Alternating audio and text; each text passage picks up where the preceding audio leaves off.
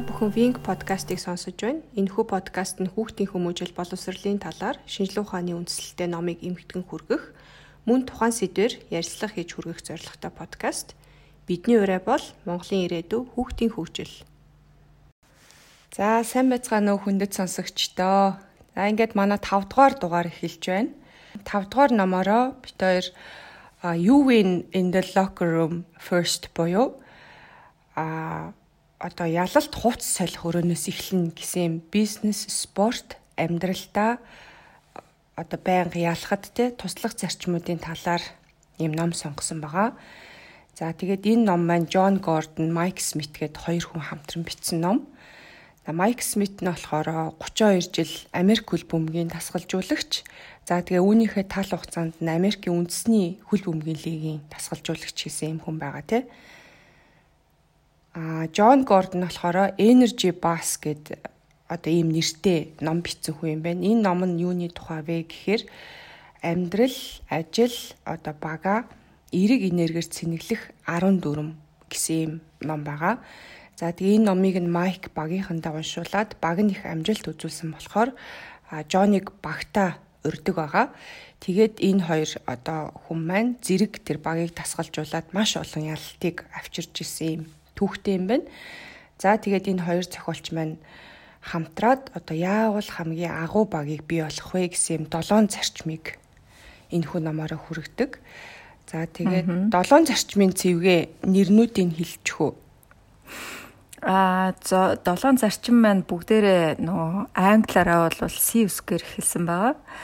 Эхнийх нь болохоор culture буюу соёл, а хоёр дахь нь болохоор contagious буюу нөлөөлөл гэж бит хоёр орчилсан байгаа тий. consistent гэд а тууштай байдлыг хэлж байгаа тий. communicate гэд одоо багийнхантайгаа сайн харилцах харилцааг хэлж байгаа. connect гэд бие биентэйгээ холбогдохыг хэлж байгаа.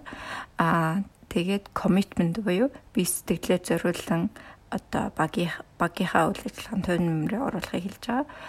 Аа хамгийн сүүлчийнх нь болохоор care буюу бие биендээ санаа тавихыг хэлж байгаа тийм. Аа.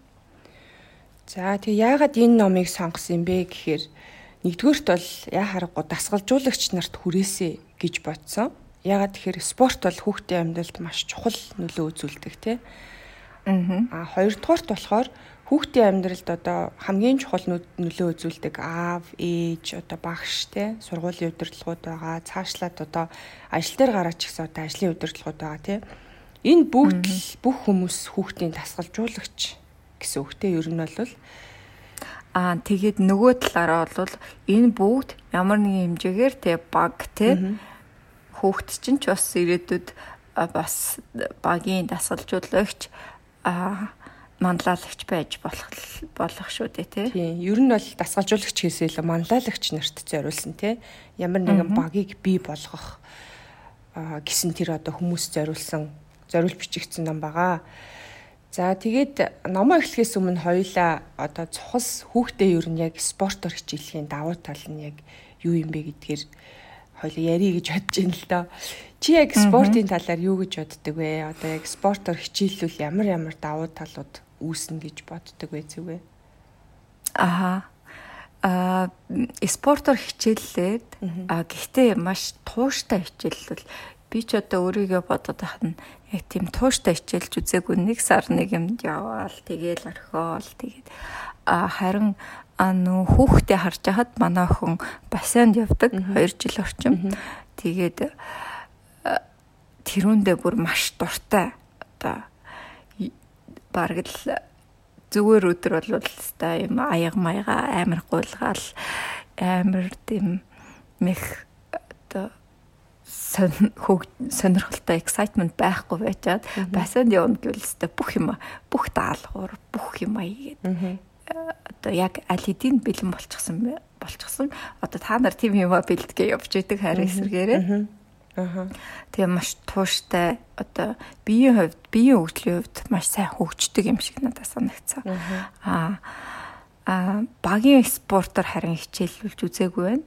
Мэдээж багийн спортоор хичээллэхэд бол хичээлж байгаа хүмүүсийг харахад маш их нээлттэй, бие биендээ санаа тавимтгай тий ажлыг ч гэсэн арай одоо хурдан явуулж байгаа юм шиг сэтгэл надад байдаг.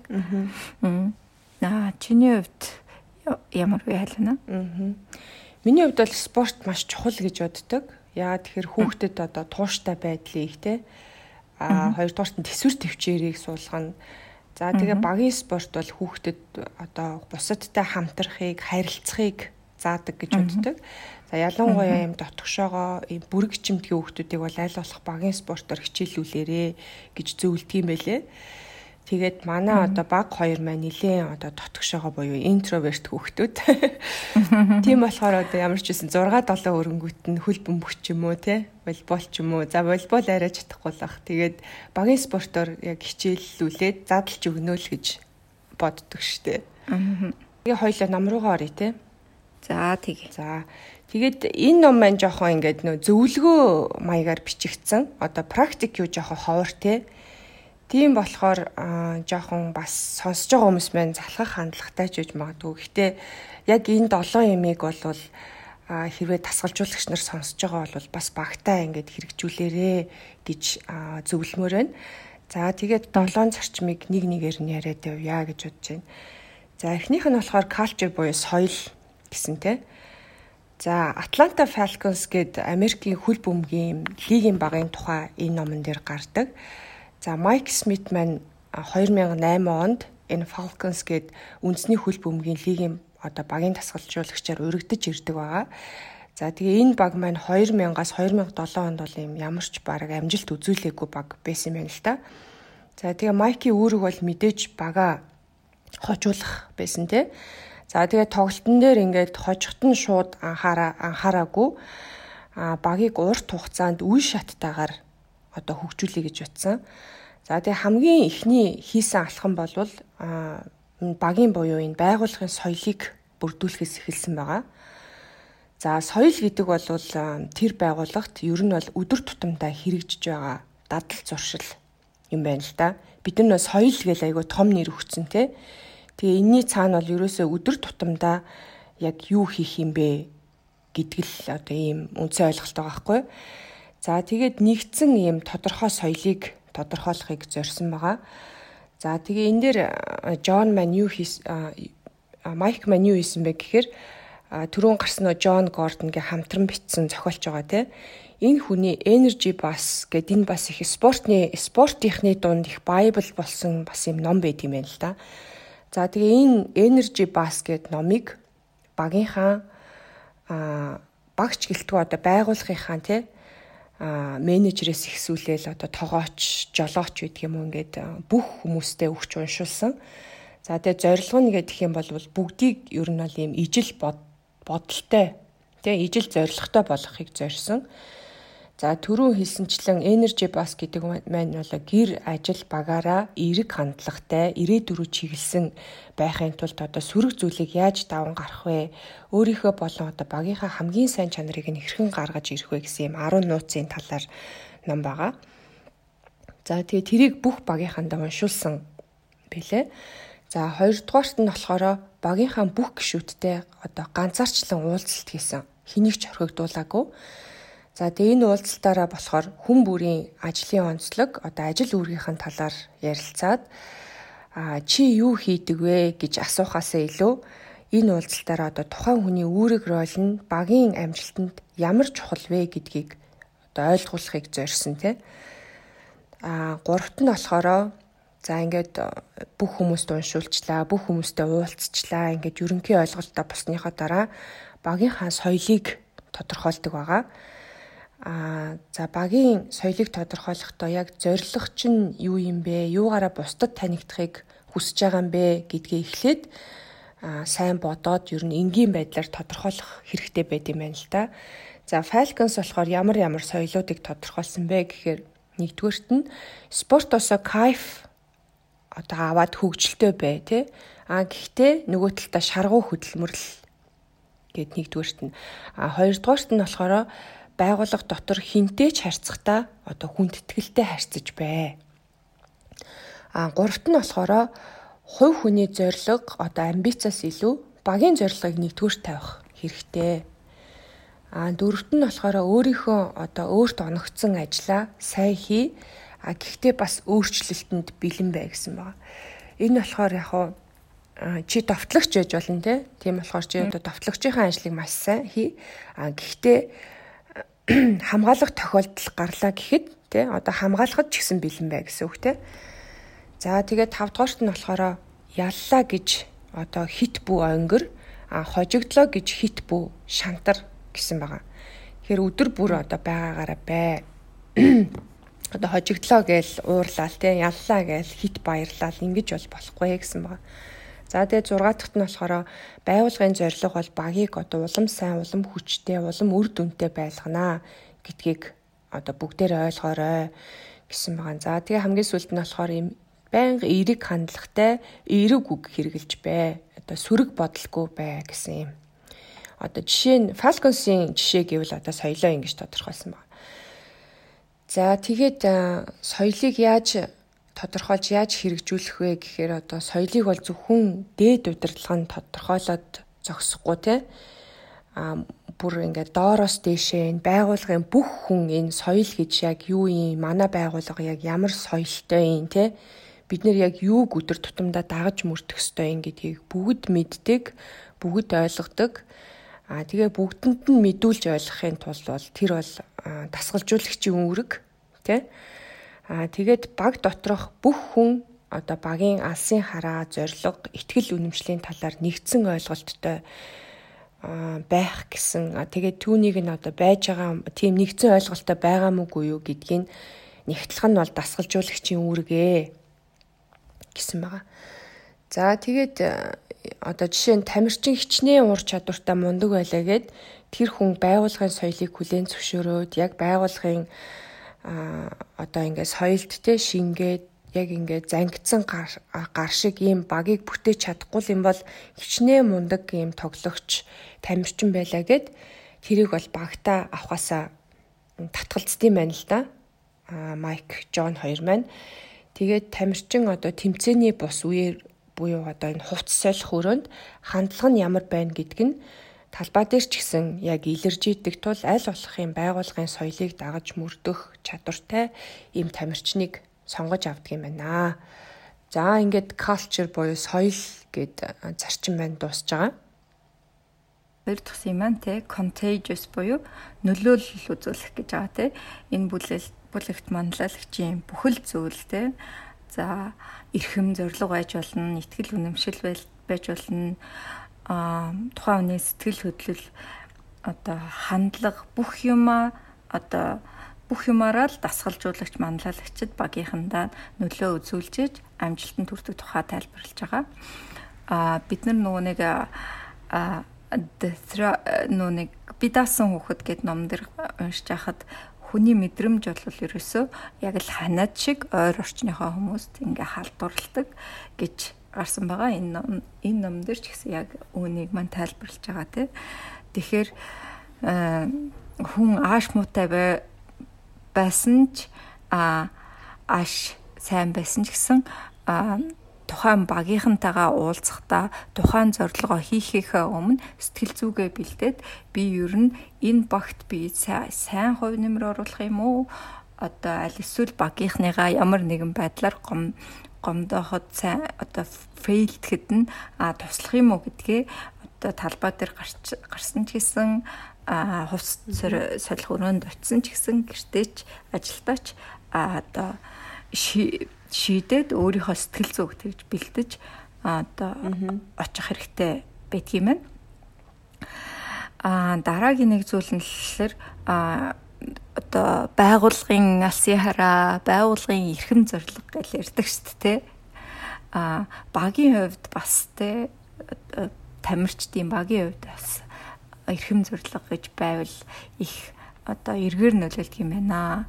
Судалгаар хүн өөрөөсөө илүү том юмд хувь нэмрээ оруулж ийн гэж одоо бодохоор илүү ирч хүчтэй болдгийг баталсан байгаа.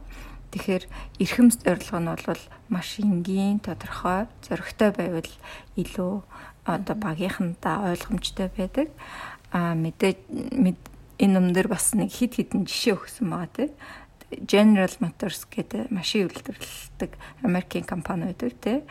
Энэ компани одоо эрхэм зорилго нь гэх юм бол а яг энэ эрхэм зорилго алсын хараа гэд хоёлын ингэ яриад яваад байгаа. Тэгээд би болохоор одоо ингэ эрхэм зорилго гэдэг үгийг аваад явчихъя те. А дэлхийд хамгийн сайн автомашин үйлдвэрлэж зохион бүтээж зарна гэдэг маш энгийн зорилго руугаа чиглэсэн эрхэм зорилготой байгаа тийм. За мэдээж баг болгон ялахын төлөөтэй тоглодог те тэмцээнд.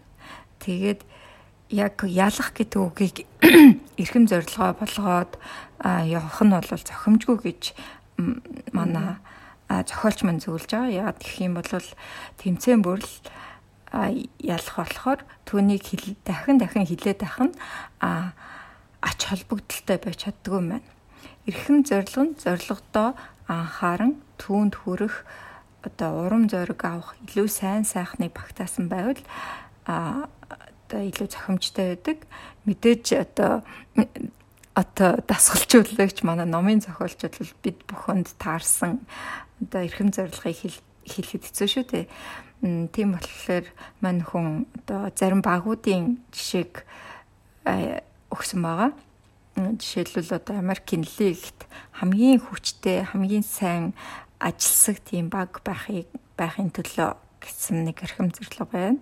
А бас нэг нь болохоор гэр бүлийнхнийхээ төлөө тоглоно гэдэг чинь зөвхөн өөрийнхөө төлөө тоглоно гэсэн үг биш шүү дээ тий. За эрхэм зорилгоо багийн гишүүдтэйгээ хамтран зохиол мэдээж тэр тэд нар маань илүү одоо оролцоотой илүү ойлгон тэ өөрсөө хийсэн болохоор тэрнийхээ төлөө зүтгэхэд илүү сэтгэл зүйн үед бэлтгэлтэй байдаг юм байна. За энэ дараачих нь болохоор ер нь нөлөө итгэл үнэмшил гэж яриад байгаа тийм өөртөө өөрөө өөртөө итгэх үнэмших Энэ нэг халуунаа чи юу гэж бодож байна? Одоо өөрөө өөртөө итгэх үнэмшихээ. Аа. За номдэр мань бол одоо нөгөө эерэг бодлууд л ах та тий. Аа. Номдэр зохиолч маань л энэ энэ нэг ингэж тайлбарсан юм л да. Ялна гэдэг бол мэдээж зөвхөн тий хувц сорих солих өрөөнөөс ч юм уу талбай тоглохоос ч юм уу зүгээр эхэлчихгүй. Тий хүн оюун бодлоос эхлэн гэж байгаа тий. Тамирчин хүн эхлээд оюун бодолтой за би ялна шүү. Би ялж чадна шүү гэсэн сэтгэл зүг суулгачиж одоо ялж ялдгийм ээ. Аа тэгэхээр ялах ялагдахын хоорондох гол одоо ялгаа нь бол ихэнхдээ нөгөө хүмүүсийнхаа одоо хэр сайн тоглолтгоос ч юм уу тэрнээс биш харин одоо ялна гэсэн итгэл үнэмшлийг өөртөө суулгаснаас байд юм байна. Бидний орчин үеийн амьдрал бол хүмүүсийг жоохон одоо гутран үзэл бодлоготой болгож байгаа. Тийм болохоор дасгалжуулагчийн маань хувьд. Маргааш өнөөдрөөс илүү сайхан өдөр болно шүү гэдэг итгэл үнэмшлэр багийнхныгаа цэнэглэж одоо түүндээ ч гэсэн өөрөө итгэл үнэмшилтэй байж багийнхандаа одоо нөлөөлж байх. Ёстой гэж ичж байгаа тийм бүр ёстой байдаг юм байна. Дюкийн их сургуулийн судалгаагаар бол өөдрөг хүмүүс илүү ирч хүчтэй, бас өндөр цалинтай. Одоо ямар нэгэн сонгуульд оролцлоо гэхэд сонгуульд ялах магадaltaй илүү урт удаан амьдардаг тийм а гэдгийг нь баталсан байна. Өөдрөг байдаг гэдэг аа гэдэг нь бол зөвхөн амьдралаа сайхнаар мэдрээ зогсохгүй илүү эрүүл байх аа сайхан харилцаатай байх хувийн болон багийн амжилт гарахын төлөө хийж байгаа арга замыг нь хэлж байгаа юм аа. За мэдээж сайн алсын хараатай эрхэм зоригтой хандлагатай тий итгэл үнэмшилтэй байгаад байлаа гэд бүх юм одоо бүчихгүй мэдээж багийнхан дотор сөрөг хандлагатай тийм хүмүүс байж болно. Аа тэгэхээр энэ үед бол тухайн сөрөг хандлагыг одоо бууруулах бас нэг одоо зөвлөгөө. дүрм ашигласнаа ярьж байгаа зохиолч маань. Юу гэхээр одоо сөрөг хандлага гаргасан хүний багийн за хэний ч гэсэнтэй туслах ажилтны дасгалжуулагчийн зургийг саханы самбарт хадна гэдэгсэн чинь нөө мэдээч хин ч гэсэн зурга одоо за би эсрэг хандлагатай хүн шүү гэд хан дээр налахыг хүсэхгүй. Тийм болохоор энэ яг энэ дүрмийг хэрэгжүүлж исэн улиралд болохоор энэ багийнхан маань тасралтгүйгээр зогсолтгүйгээр 10 удаа дараалж чадсан байгаа тийм Тэгэхээр сөрөг хандлага гэдэг бол бас ер нь бол одоо contagious байдаг ахын тийм а бас нэг хөрхөн туршилт болохоор а бугуувч хийж зүсэн юу гэхээр одоо гомдлохгүй би өөрөө гомдлохгүй гэд. Тэгээд энэ бугуувчаа өөрөө бас дасгалжуулагч минь 5 жил зөөсөн байгаа. Аа тэгээ хүмүүс одоо багийнх нь бас сайн одоо гомдлохгүй байх нь багт эрэг үрдүн авчирдсан байна гэдгийг ойлгоод а мань хүний боговчнуудаас та ингээд нэг заримыг өгөөчтэй би гэрийнхэндээ өгмөр байна гэд бас авсан тохиолдол байгаа. Тэгэхээр гомдлно гэдэг чинь бас хүний одоо амжилтанд бас нөлөөлдөг юм байна гэдгийг бас энэчнээс ойлгоход үлдсэн байгаа. Харин тийм гомдлно гэдэг чинь угаасаа амар чухал чухал фактор байдаг юм байна тий. Аа. За тэгээ 3 дахь зарчим маань consistent буюу одоо хувиршгүй тууштай байдал гэсэн байгаа.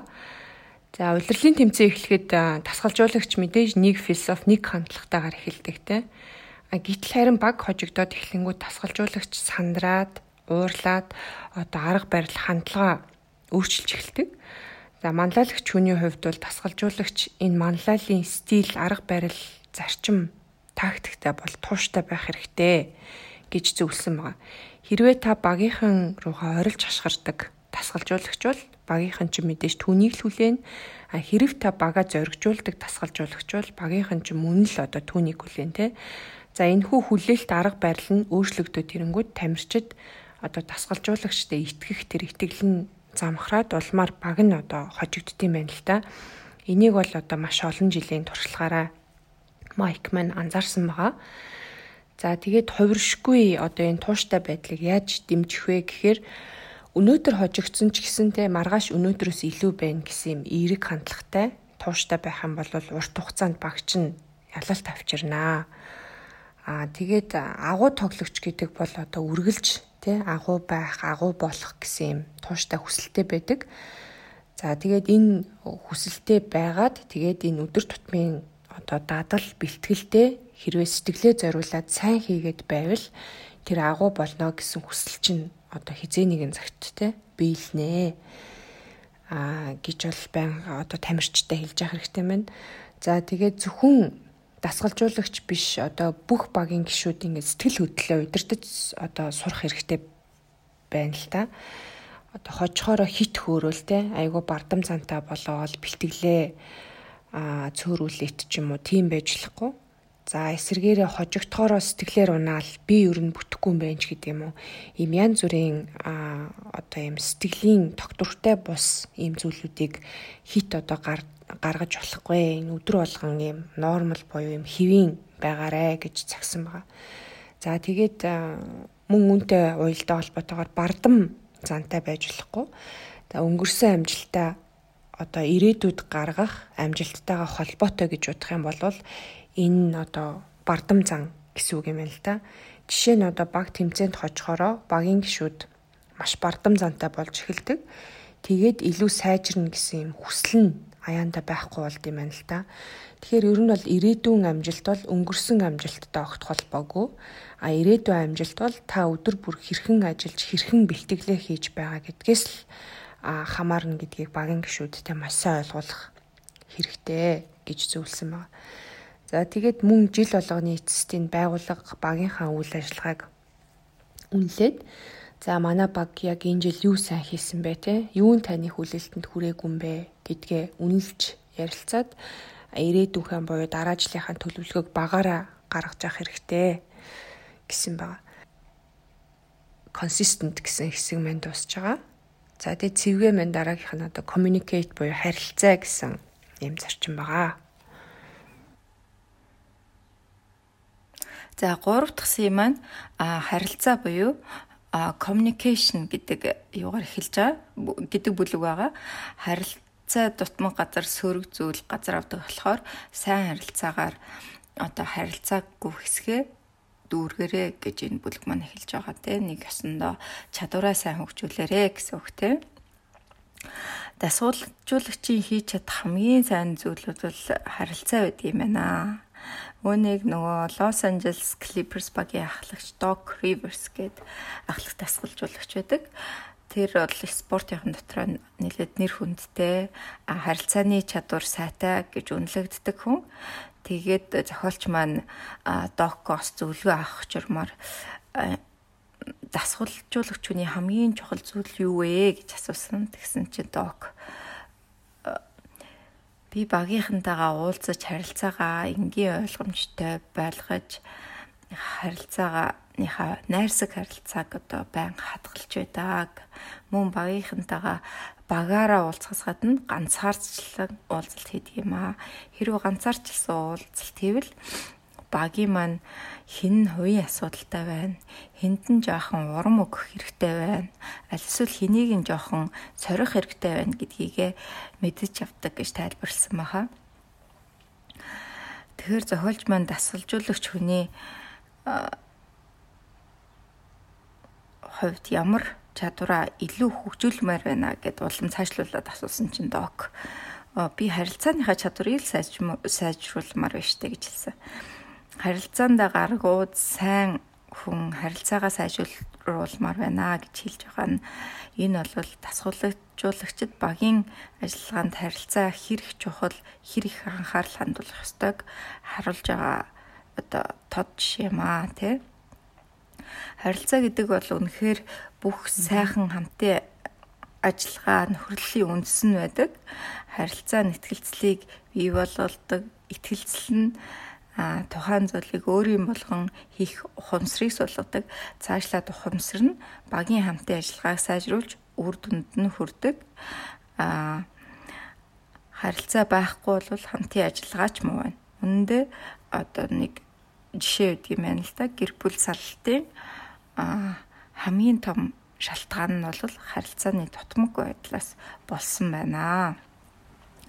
За ингээд ганцаарчлсан харилцааны тухай бас тодруулан бичсэн байгаа энэ энэ бүлэгт а мэдээж ганцаарчлсан уулзалт харилцаа бол том багийн хувьд бол маш их цаг авдаг а зүйл байгаа. Гэхдээ ганцаарчлсан уулзалт гэвэл тухайн багийн соёл одоо шинээр ялангуяа ирж байгаа тасгалжуулагчид ямар асуудал байгаад байгаа гэдгийг нь тодруулахад тус болдго юм байна.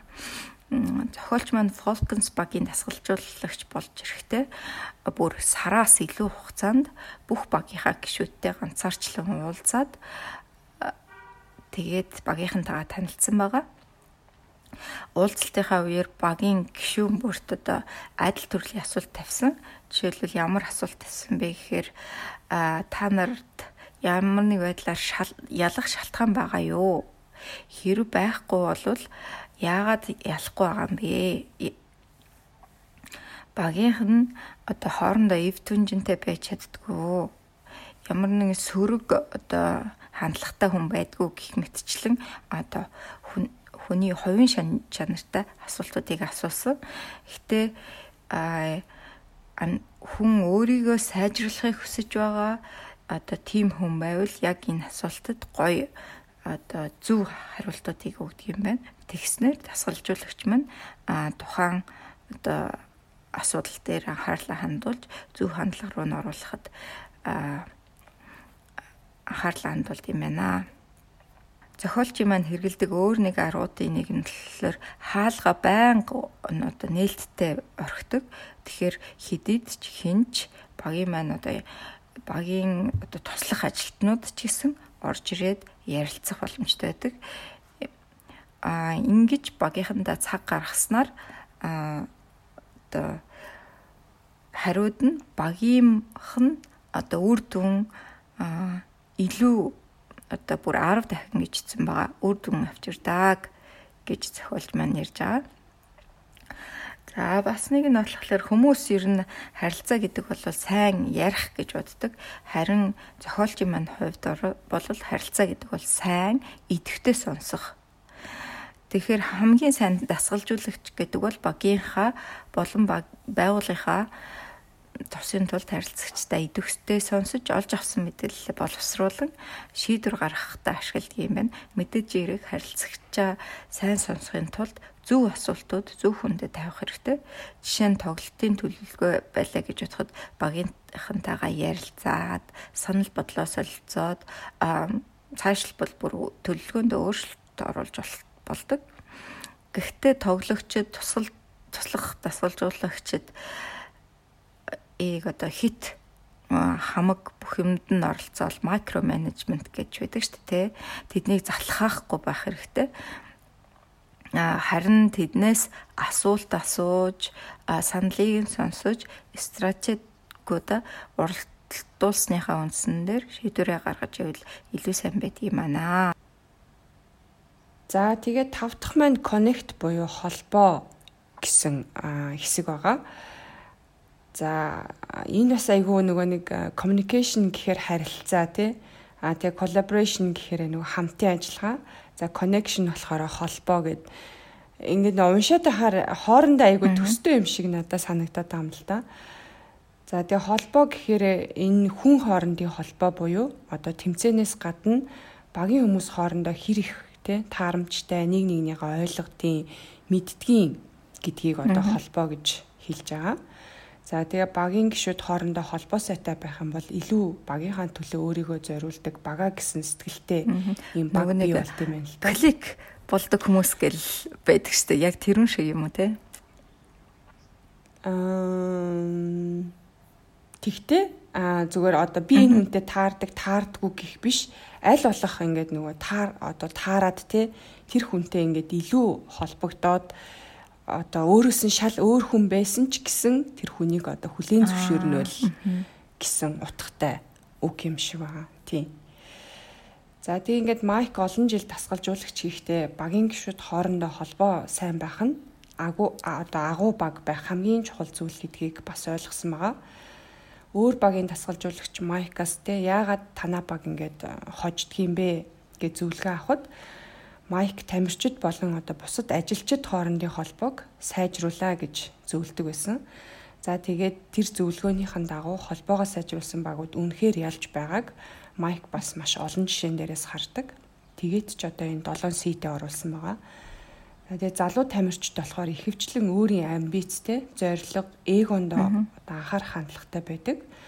А яагаад гэхээр гэр бүл найз нөхдөн те хажуунаас нь одоо чи илүү оноо авах хэвээр чи илүү тоглох хэвээр чи илүү танигдах хэрэгтэй ч гэдэг юм уу те нөө тэмцээний үзэл дандаа иймэрхүү байдлаар зөвлөдөг. За тэгээд ийм байдлаар гадаад орчноос юм авч байгаа мессежүүд нь баг гэхээс илүү одоо хувь хүний хөгжил амжилт руу юм чиглэсэн мессежүүд байдаг. Тэгэхээр бол энэ нь бол сөргөөр нөлөөлтгөө гэсэн үг. За тэгээд энэ одоо зарчимдаа мөн технологиос илүү хүн хоорондын харилцааг одоо чухалчлаа гэж бас зөвлөсөн байгаа. Одоо хувцсны өрөөнд те нэг нэгнтэйгээ харилцаасаа илүү орчин үед бол ингээд уцаа шаагаад ингээд уцаа хараад суудаг тамирчдын тоо ингээд маш ихссэн байгаа нь ажиглагдчихж байгаа. За тэгээ том болсон хүмүүсийг чи одоо уцаа даалт хий гэж хэлэх хэцүү те. А гэхдээ энэ асуудлыг бол багаараа ярилцаад шийдэх хэрэгтэй. Жишээ нь одоо утас хэрэглэхгүй хэсэг те утас хэрэглэхгүй цаг бид нар нөгөө нэг бас яг self dream child дээр ч гэсэн энийг ярьж исэн те. Тэгээд одоо жишээ нь аялын турш утас сэргэлэхгүй хоорондоо илүү холбогдох. Тэд нар автобусаар ийш тийшээ маш их явдаг штэ те. Энэ хугацаанд одоо уцаа хэрэглэхгүй байж гэдэг юм уу тийм багаараа нэг юм дүрм гаргах хэрэгтэй. За тэгээ зарим багууд болохоор ийм улирлын тэмцээний үеэр бол сошиал медиа хэрэглэхийг хориглдог тийм багууд ч байд юм байна. За тэгээд ер нь бол нүд нүд рүүгээ хараад харилцах нь одоо ямар ч супер технологийн багаж хэрэгсэл а хэрэгслийг бол одоо давнаа гэсэн байна. За тэгээд багийн гişүүдийг холбох цаг тий тэр холбоогоо сайжруулах бас юм төлөвлөгөө зохиох хэрэгтэй байт юм. За жишээ нь нөгөө нөгөө зохиолч Джон гэхдээ одоо гэр хичнээн ийм завгүй байсан ч гэсэн гэр бүлдээ бол яг 7 хоногт нэг удаа гэр бүлэрээ ярилцах юм уулзах цаг гаргадаг. А одоо яг тэрэн шиг багаараа одоо эсвэл нэг ном уншаад те түүнийгээ ярилцдаг. Тийм 2-оос 3 хүнтэй групп үүсгээд а явж болно. За мөн одоо ямар нэгэн ийм багаараа хэрэгжүүлэх хэрэгтэй дүрм ч юм уу те эсвэл одоо энэ зарчим ч юм уу тэрийг ингээд бас группэд хуваагаад нэг нэгэндээ ингээд бүтээлч байдлаар гişүүдийнхаа өмнө танилцуулдаг ч юм уу Тэгэхээр тэр чинь одоо 2-оос 3 хүн нийлээд одоо тэрийг бэлдэн гэдэг чинь тэр хүний хоорондох холбоо сайжирнаа гэсэн үг юм байна л да. За тэгээд мөн тамирчны хувийн төвх болон мэдрэмжийг нь хуваалцах гэх мэт юм гişүүдийн холбоо сайжруулах юм дасгалуудыг бас хийлгэж явах хэрэгтэй. За тэгээд нэг дасгал зөвлөсөн нь болохоор аа баатар зовлон бэрхшээл онцлог үйл явдал гэсэн юм дасгал юм байна л да. За энэ дасгал нь яах вэ гэхээр багийнхаа одоо одоо гişүүдээ бүгдийг суулгаж байгаа тий. За яг чиний одоо баатарчин хэм бэ? Чи одоо одоо role model гэсэн үг тий. Чиний баатарчин хэм бэ? А тэгээд амьдрал чинь тохиолдсон одоо онцлог үйл явдал болон бэрхшээл чи юу байсан бэ? Гэт ингээ хүн болгонд адилхан юм гурван асуулт өгдөг. А тэгээд тэр хүн маань а одоо тэр гурван асуултанд хариулаад тэгээ багийнхныхаа өмнө ингээд хариулаад тэгэхээр тэр хүнийг одоо илүү ойлгох юм байна л да тий. За тэгээ хүн болгонд л юм зовсон, айсан, баярлсан мөчүүд байдаг. Тэрийгэ бусадтайгаа ингээ хуваалцах чадах юм бол баг хоорондоо илүү сайн холбоотой болтгоо гэсэн байгаа. За тэгээ зөвхөн тэр талбай дээр ч биш талбайгаас гадуур те а одоо юу гэдэг family dinner ч юм уу те тийм талбайгаас гадуур ч гэсэн юм хоорондоо холбогддог багийг бий болгоо гэсэн байгаа. За жишээ нь гэх юм бол Falcons баг нь лав гараг бүр гэр бүлийн орой хоолны өдөр гэж зохиодог байсан байна л да. За тэгээ энэ дээр болохоор эхнэр нь нэр нь хүүхдүүд нь нэр нь те. Тэгээ тамирчид нь байна. А багийнх нь одоо байгууллагын бүх гишүүд байна. За тэгээ үүгээрээ болохоор хүүхдүүд нь аавтайгаа өнгөрөх цагийг бий болгож өгч байгаа. За тэгээ эхнэрүүд нь хоорондоо танилцаад санал бодлоо солилцох ч юм уу тийм цагийг мөн бий болгож өгнө. За дараачийн C маань commitment буюу бид хоёр болохоор бие сэтгэлээ зориулах а хүчин чармаалт гаргах гэдэг маш уртаар орчилсан ба тээ. Хэрвээ та багийнхныгаа сэтгэлээ зориулахыг хүсэж бие сэтгэлээ зориулахыг хүсэж байгаа бол та өөрөө бие сэтгэлээ зориулах хэрэгтэй.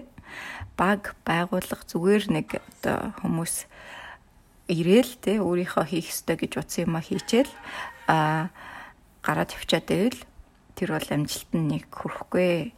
Ян зүрийн хэлбэрээ бие сэтгэлээ зориулж иж богийнхан маань амжилтанд хүрнэ. а багийнхантай хамтдаа хөгжөөд сайжирж тааламжтай ажилла хийхэд нь бас зөв сайхан орчныг бүтээж өөрийнхөө хүчээр бие сэтгэлээ зориулан бүх зүйлийг хийх ёстой.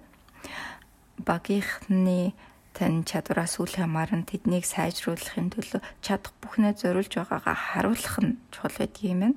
Тийм болохоор сэтгэлээ зориулан хүчин чармалт гаргахын тухай хувь хүний гүцэтгэл эсвэл гүт багийн гүцэтгэлээс хамааран өөр өөр байж болохгүй би сэтгэлээ зориулна гэдэг бол ярихаасаа илүүтэйгээр багийнхандаа хэрхэн хандаж байгаа тэдэнтэй хэрхэн харилцаж байгаа үйлдэлээр үзүүлэхийг хэлээд байгаа тийм Атланта Falcons багийн эзэн Артурыг одоо манай дасгалжуулагч маань таньдаг байсан юм байна. Аа тэгээд багийн эзэн Артур дасгалжуулагчд маань ажиллах саналыг тавьсан. Аа тэгээд ч маань хүн зөвшөөрсөн. Ягаад гэвэл нөгөө Home Depot гэдэг нөгөө Америкийн нэг гэр ахын одоо барилгын материалын дэлгүүр гэж байдаг шүү дээ тий. А Артур маань Home Depot дэлгүүрийн хамтран эзэмшигч байсан. Тэгээд дэлгүүр дотор орох юм бол ерөөсөө дэлгүүрийн ажилчид нь одоо үйлчлүүлэгчийг тэнцээ яавал одоо сайхан байх уу яаж яавал тэр одоо дэлгүүр хэсэж байгаа одоо үйлдэлээ илүү хөгжилтэй илүү гоё байлгах уу яавал тэдний тусалчих уу гэсэн байдлаас одоо дэлгүүрийн ажилчид нь бүгдээр тийм хандлагатай байдаг. А тэгэхээр мань хүн одоо энэ хандлага бол ерөөсөө дэлгүүрийн ажилчдаас эхлээгүй одоо Артур өөрөө тийм одоо хүмүүст үйлчилдэг тийм үзэл бодолтой хүн байна.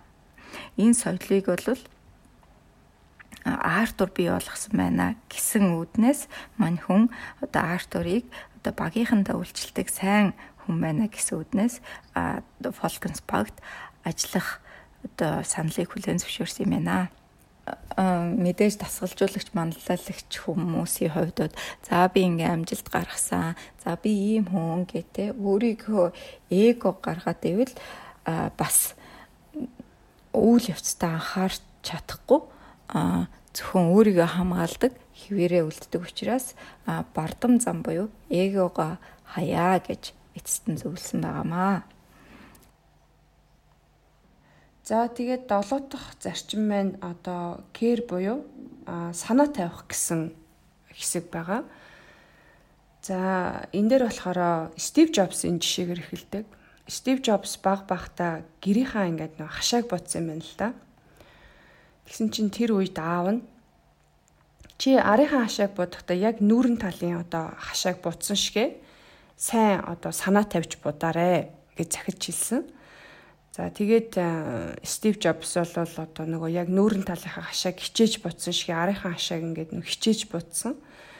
За энэ нь болохоор аавынх нь одоо жижиг гэлтгүү те юм болгонд хүний нүдэнд харагдахгүй байсан ч гэсэн чи одоо юм болгонд те ач холбогдол өгөө гэсэн энэ мессеж нь бол Стив Джобст одоо насан туршид нь хадгалагдсан үлдсэн бөгөөд одоо нөгөө сүүлд Apple-ийн бүтээгдэхүүн дээр аа нөгөө нэг юу яриа байдаг штэ тий нөгөө утсан доторх нөгөө батарейгийн хүртэл нөгөө маш гоё юм эмх цэгцтэй хийдэг. Хүний нүдэнд харагдахгүй ч гэсэн тий Тэгээд энэ нь болол одоо ингээд Стив Джобст маш их нарийн деталь болгонд санаа тавьдаг одоо энэ зан нь одоо Стив Джобст насан туршид нь ингээд хадгалагдсан үлдсэн байт юм аа. За тэгээ яг энэ шиг одоо кэрийн буюу те жижиг гэлтгүү ингээд бүх зүйлд ач холбогдол өгөөд а санаа тавих хэвээр гэдгийг юм агуулсан зарчим байгаа. За а мөн Питтсбург одоо Pirates гэд бас багийн жишээ гардаг. За энэ дээр болохоор Pittsburgh Pirates баг бол ийм санаа тавих стратегийг маш сайн хэрэгжүүлдэг багуудын нэг юм байна л да. За жишээ нь гэх юм бол тэдний багийн зорилго бол хожих одоо тэдэн home run ч гэдэг юм уу тийм тоондоо биш харин багийн ажиллагаа өдөр тутмын дасгал сургуультандаа ач холбогдлох талбай болон талбайгаас гадна одоо хөвгүүдийг жинхэнэ эр хүн болгож хүмүүжүүлэх тамирчдыг жинхэнэ мэрэгжлийн одоо бейсболчин болгоод сургах гэсэн юм зорилготой байсан. Тэгээ өдөр тутам мөн манлайллын хурал гэж зохион байгуулад өдөр бүрийн юм сануулга зөвлөмжүүдийг тамирчдтай өгдөг. За тэгээ мөн одоо түрүүн ярьсанчлан гаднаас хүн ураад манлайл соёл гэх мэт юм янз бүрийн сэдвэр лекц семинар зохион байгуулдаг ийм багийн тухай бас энэ одоо хэсэг дээр гардаг. За тэгээс одоо бидний өдөр тутамдаа ч юм уу дасгалжуулагч нар маань авч хэрэгжүүлэх жишээ гэдэг юм бол тамирчинд ямар нэг юм тохиолдсон бол одоо захиа бичиж болно те эсвэл түүнтэй уцаар ярьж болно. За тэгээд мөн одоо тамирчинтай харьцахтаа инээмсэглэх, зоригжуулах үг хэлэх те түүнийг сайн сонсох за тэгээ хүнд хэцүү үед нь туслах гэх мэтчлээ. Одоо энэ бүгд тэр одоо кэрийн буюу санаа тавих халамжлах жишээнүүд болно л доо. За тэгээ манай монголчин бас их гоё юм санаа тавьдаг заншилтай хүмүүс шүү дээ те а жишээ нь одоо ажлынх нь ойр дотны ажлынх нь одоо нэг хүний ойр дотных нь хүн нас орчлаа гээл тэгэнгүүт бүгдээрээ сайн дураараа ингээл мөнгө цуглуулаад тий хүн болгоны 20 20 мянга ч юм уу цуглуулаад өгдөг штэ тий. Аа тэгээд би нөгөө олон улсын байгууллагт ажиллаж исэн. Тэгээд тэгэхэд нөгөө нэг манай нэг тийм гадаад хүний аав нас орсон гэд тэгээ бид нар мөнгө цуглуулад төгсөн чинь бүр ингээ шоконд ороод ийм соёл гэж байдаг юм уу Тэгэхээр манай монголчуудын ингээд цуснд нь бас тийм гоё тийм нөгөө нэгнийгаа гэдэг тийм сэтгэл байгаа болохоор бас энийгаа ингээд алдахгүй тий гоё ингээ кэр хийж яваасай гэж би бас бодсон. Яг энэ хэсгийг уншаад. За тэгээд мөн одоо энэ номон дээр маань transactional transformational ингээд манлайлагчийн ялгааг бас хэлсэн байгаа. За тэгээ энэ одоо надад гоё санагдаад би бас энэ хэсэг дээр оруулж байна. За transactional манлайлагч гэдэг нь болохоор монголоор бас яг сайн орчуулж чадахгүй байна. Яг юу гэж орчуулдгийг мэдэхгүй. А энэ болохоор шагнал шийтгэлээр дамжуулаад хүмүүсээ юм хийлэгдэг. Тэ?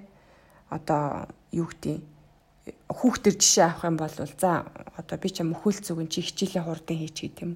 Эсвэл одоо юмаа ихгүй болохоор за би чиний киног ич үзүүлэхгүй ч гэдэг юм те. Тиймэрхүү байдлаар явах юм бол энэ бол маш богино хугацаанд хүүхдэд одоо хүүхдэд бишээ тэр багийнхандаа маш богино хугацаанд хүсэл эрмэлзэл төрүүлдэг. А за transformational leadership гэдэг нь болохоор а энэ болохоор өөрчлөгддөг манлайлагч буюу одоо ингээ багийнхаа алсын харааг нь бий болгоод одоо бидний зорилго бол инэ гэд те. А тэгээ тэрийг ингээ багийнхандаа эхлээд таниулна. За тэгээд тэрнийхээ төлөө ингээд хамтдаа бүгдээрээ явна шүү гэдэг мессежийг өдөр тутам хүргээд ингээд хүмүүсээ зоригжуулдаг, сэтэлжүүлдэг. За энэ болохоор урт хугацаанд илүү үр дүнтэй гэсэн а манлайлал стил байгаа. За тэгээ бас энэ юун дээр номон дээр стресс болон одоо дарамт шахалт хоёрын ялгааг бас гоё тайлбарлсан байсан. Энэ нь одоо бас бид нэр яг мэдүүштэй гэдэг үднээсээ хэлэхэд стресс гэдэг бол а тамирчдын одоо хяналтаас гаднах зүйлийг тэднээс хүлээх юм бол энэ стресс болох юм байна л да. За жишээ нь юм бол те а бид нэр одоо яг энэ тэмцээн дээр ялах ёстой ч гэдэг юм эсвэл чи тэдэн гол хийх ёстой бид нэр одоо ийм оноо авах ёстой ч гэдэг юм энэ болохоор тамирчны одоо өөрийнхөө одоо нэг хянах зүйлээс нь гадуур зүйл те хянах боломжгүй зүйл. Тэгэхээр энийг нь бид нэр их пүүшлээд байх юм бол энэ стресс болно. А харин эсэргээрээ багийнхныхаа контролдож чадах зүйл юу вэ гэхээр чи одоо бэлтгэлээ өнөөдөр тэдэн цаг хийх ёстой. Чи илүү хүчин чармаалт гарах ёстой.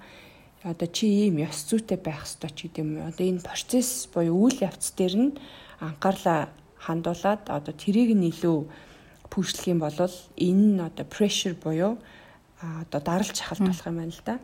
Тэгэхээр бол стресс бол сайн биш, а pressure бол сайн. Тэгэхээр одоо бид нар өдөр тутмынхаа амьдрал ч гэсэн стресс стресс pressure гэдгийг бас их ялгаж ойлгох хэрэгтэй байна. За ингээд 30 40 жил дасгалжуулагч хийхдээ ер нь бол энэ хоёр дасгалжуулагч маань те сайн баг хамт олон бүрдүүлэхэд ер нь хамгийн одоо чухал гэж бодсон мэдээж маш олон зүйл байгаа те. Тэрнээсээ хамгийн чухал гэж бодсон одоо энэ долоон зүйлээ энэхүү номороо хүргэсэн. Тэгээ бид нар ч гэсэн ер нь өдөр тутмынхаа амьдралд бас яг энэ долоон зүйлийг бас яг толгоондоо хийгээд бодоод те явбал зүгээр юм байна гэдэг утгаараа энэ номыг хүргэж байгаамаа. Аа. Цэвгээд хэлэх үг байна уу? Аа би бас ер нь ажилдаа хийх цаг зарцуулаад аа хүүхд гэр бүлдээ их цаг зарцуулдаггүй байсан.